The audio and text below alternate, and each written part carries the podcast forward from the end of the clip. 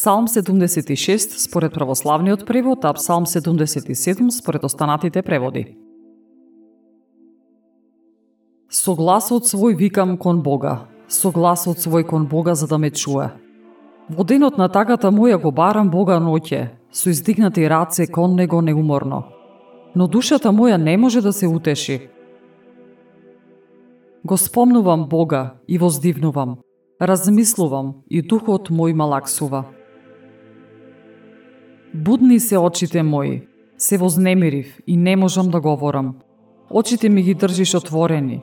Размислував за давнешните дни и се сетив за старите години.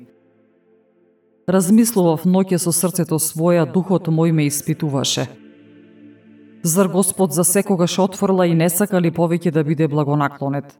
Или за секогаш престанала неговата милост и неговите ветувања се пресекле за сите родови? Зар Господ заборавил на штедроста своја? Зар во гневот свој ќе го затвори своето милосрдие?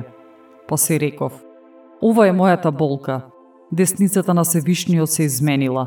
Ке си спомнам за делата на Господ. Ке се подсетам на дамнешните чудесни дела.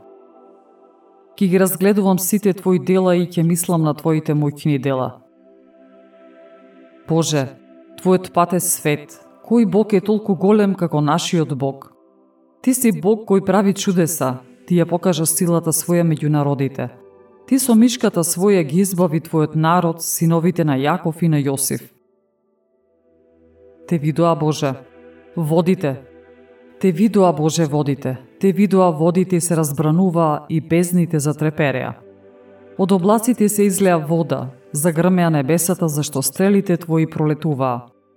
Татнежот на твојот гром се разнесуваше низ виорот – Светкавици ја осветлуваа Вселената.